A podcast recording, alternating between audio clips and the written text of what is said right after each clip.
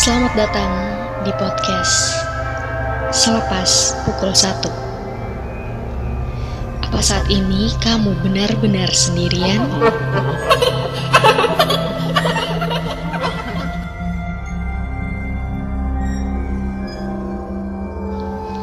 Sabtu adalah hari wajibku bertemu dengan Mas Bima. Ya, pria yang selama ini dekat denganku. Tiap akhir pekan kami sering kali menghabiskan waktu bersama. Entah sekedar nonton bioskop, pergi makan, atau duduk di rumah sambil bermain game.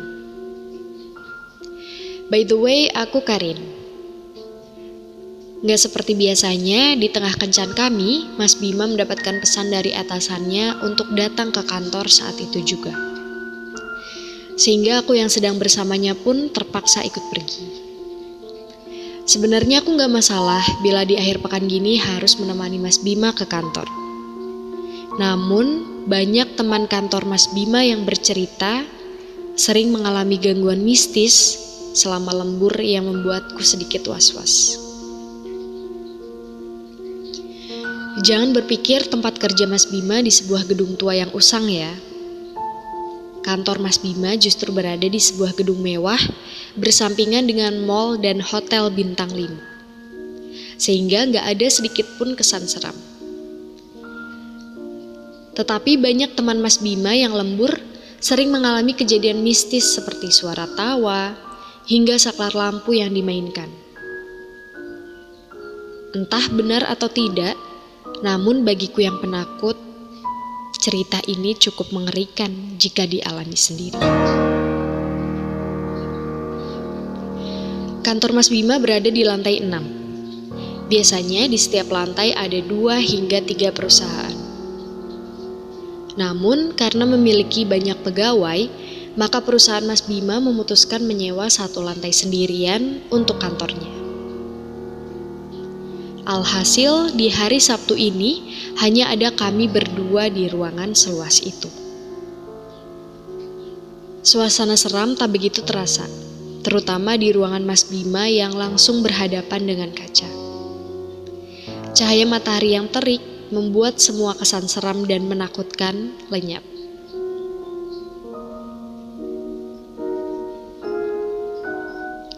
Aku dan Mas Bima sama-sama menghadap ke arah pintu.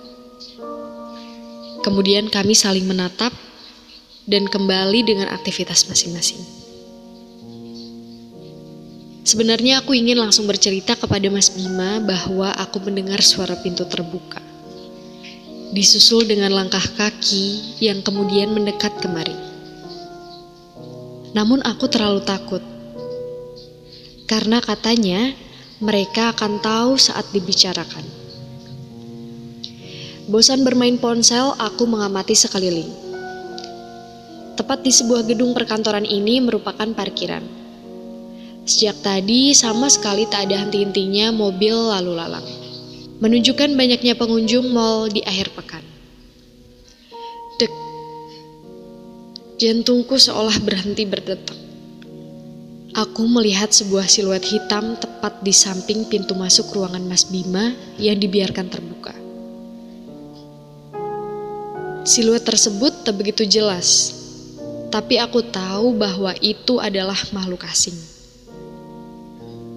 Aku menundukkan pelan kepalaku, berusaha agar tak terlihat jelas mengetahui kehadirannya.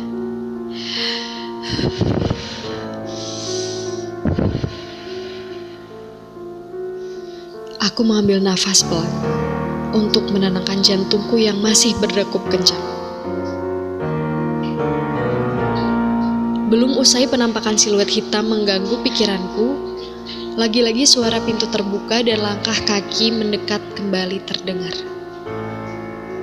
Entah dengar atau sengaja mengabaikan, Mas Bima tetap sibuk dengan layar komputernya.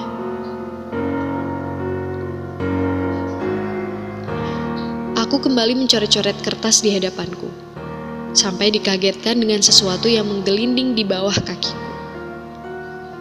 Tanpa suara dan rupa jelas, bayangan hitam pekat serta bulat menggelinding begitu saja di bawah kakiku. Jantungku berdetak lebih cepat dari sebelumnya. Aku mengambil nafas, membuangnya, mengambil nafas, membuangnya. Namun seolah sia-sia. Jantungku masih berdetak kencang dan perasaan takut masih menyelimuti hatiku. Karin, panggil Mas Bima. Turun yuk. Tanpa babi bu, aku segera mengambil tasku dan segera menggandeng Mas Bima berjalan cepat keluar dari ruangannya. Aku bernafas lega sesampainya di mall.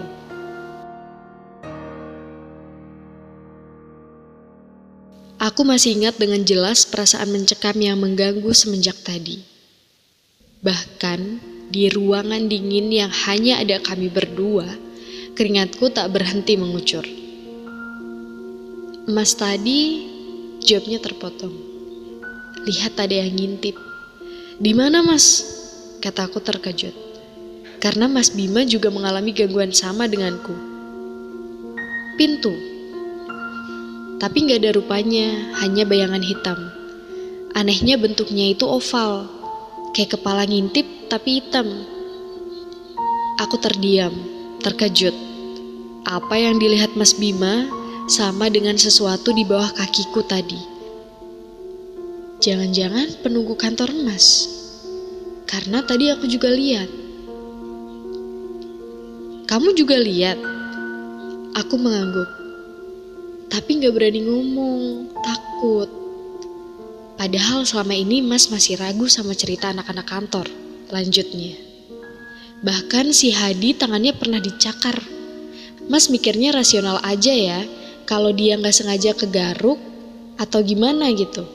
Tapi setelah mengalami sendiri, bahkan di siang bolong gini, Mas jadi percaya mereka beneran ada. Aku tersenyum. Benar, kata Mas Bima. Bila kita tidak mengalami sendiri, mungkin cerita-cerita seperti ini hanya bualan. Tapi percayalah bahwa kita selalu hidup berdampingan dengan mereka.